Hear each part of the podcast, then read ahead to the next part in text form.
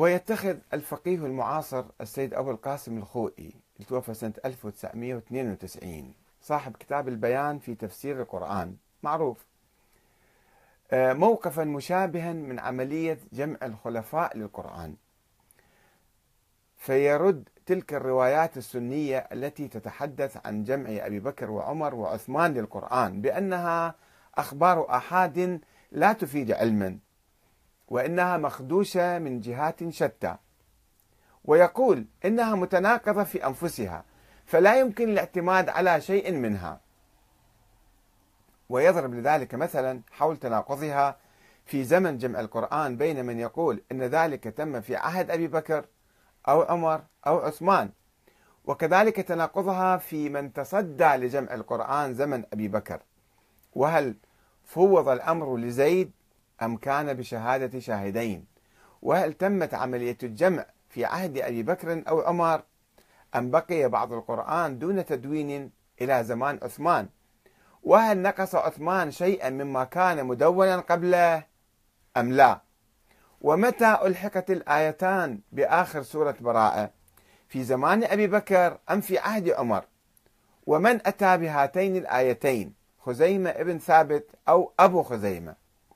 وبماذا ثبت أنهما من القرآن؟ بشهادة الواحد أم بشهادة عثمان معه؟ أو بشهادة عمر؟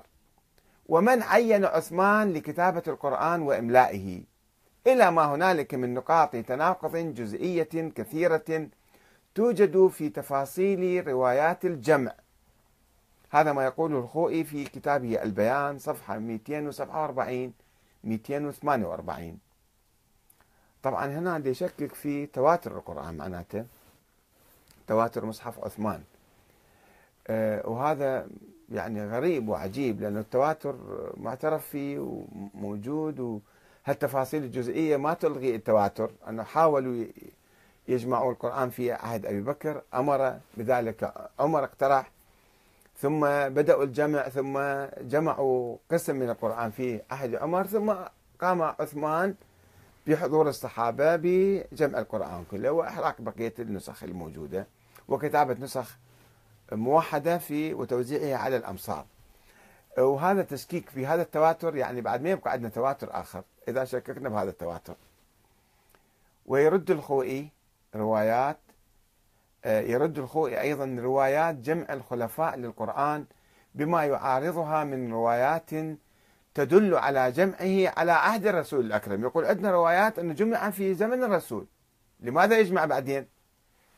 فقد روى جماعة منهم ابن أبي شيبة وأحمد بن حنبل والترمذي والنسائي وابن حبان والحاكم والبيهقي والضياء المقدسي وهؤلاء علماء السنة كلهم. عن ابن عباس قال قلت لعثمان بن عفان ما حملكم على أن عمدتم إلى الأنفال وهي من المثاني في بعض السور يسمون المثاني. وإلى براءة سورة براءة وهي من المئين. فقرنتم بينهما ولم تكتبوا بينهما سطر. بسم الله الرحمن الرحيم. ووضعتموها ووضعتموهما في السبع الطوال. ما حملكم على ذلك؟ فقال عثمان إن رسول الله صلى الله عليه وسلم كان مما يأتي عليه الزمان ينزل عليه السورة ذات العدد. وكان إذا نزل عليه الشيء يدعو بعض من يكتب عنده فيقول ضعوا هذا في السورة التي يذكر فيها كذا وكذا. وتنزل عليه الآيات فيقول ضعوا هذا في السورة التي يذكر فيها كذا وكذا. وكانت الأنفال من أول ما أنزل بالمدينة وكانت براءة من آخر القرآن نزولا وكانت قصتها شبيهة بقصتها فظننت أنها منها. وقبض رسول الله صلى الله عليه وآله ولم يبين لنا أنها منها. فمن أجل ذلك قرنت بينهما ولم أكتب بينهما سطر. بسم الله الرحمن الرحيم اللي هو يعتبر فاصلة بين سورتين. ووضعتهما في السبع الطوال. هكذا يقول الخوئي في البيان صفحة 249 عن منتخب كنز العمال جزء 2 صفحة 48 ويستشهد أيضا بقول عبد الله بن عمر الذي أخرجه النسائي آه، بسند صحيح أنه جمع القرآن فقرأ به كل ليلة فبلغ النبي فقال اقرأه في شهر.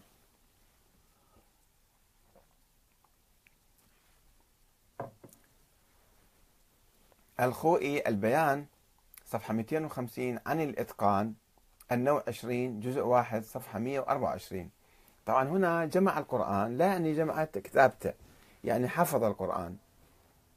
وكان يقرأها مثلا بليلة واحدة قال له لا تقرأ بليلة واحدة فرق على الليالي الأخرى.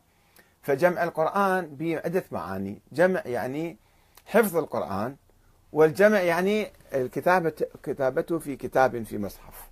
هنا صار خلط عند الخوئي. ويؤكد الخوئي على أن حفاظ القرآن على عهد رسول الله صلى الله عليه وآله وسلم كانوا أكثر من أن تحصى أسماءهم فكيف يمكن حصرهم في أربعة أو ستة؟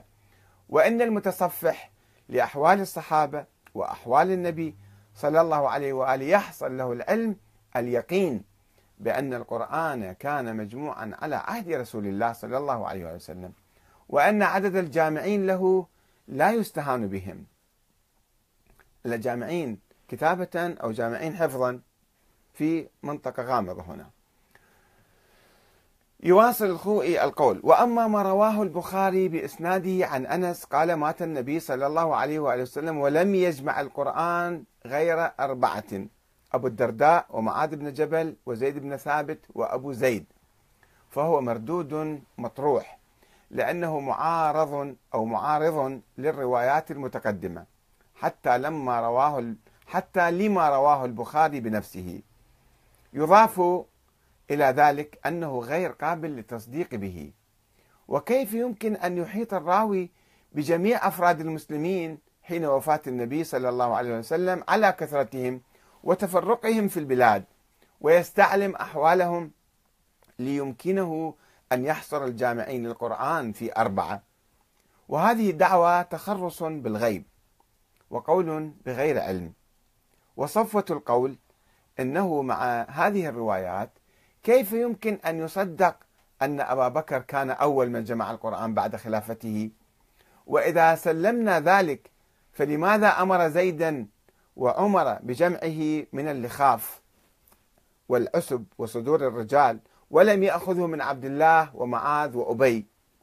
وقد كانوا عند الجميع عند الجمع أحياء وقد أمروا بأخذ القرآن منهم. على أن زيدا نفسه كان أحد الجامعين.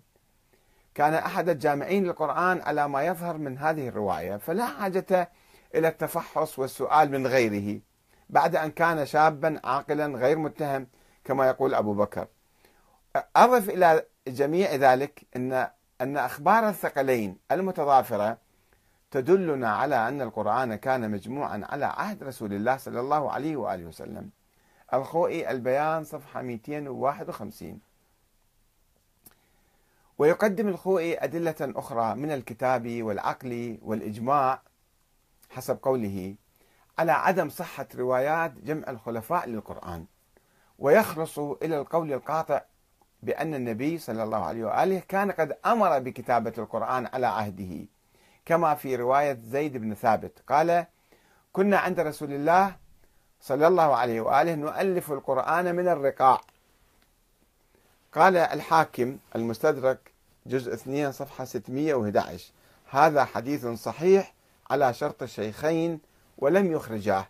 وفيه الدليل الواضح أن القرآن إنما جمع على عهد رسول الله كما يقول الخوئي في البيان صفحة 254 وإضافة إلى ذلك يشكك الخوئي بروايات جمع القرآن في عهد الخلفاء بأن هذه الروايات مخالفة لما أجمع عليه المسلمون قاطبة من أن القرآن لا طريق لإثباته إلا التواتر.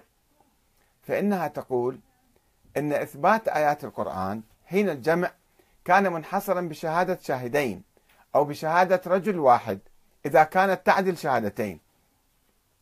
وعلى هذا فاللازم أن يثبت القرآن بالخبر الواحد أيضا. وهل يمكن لمسلم أن يلتزم بذلك؟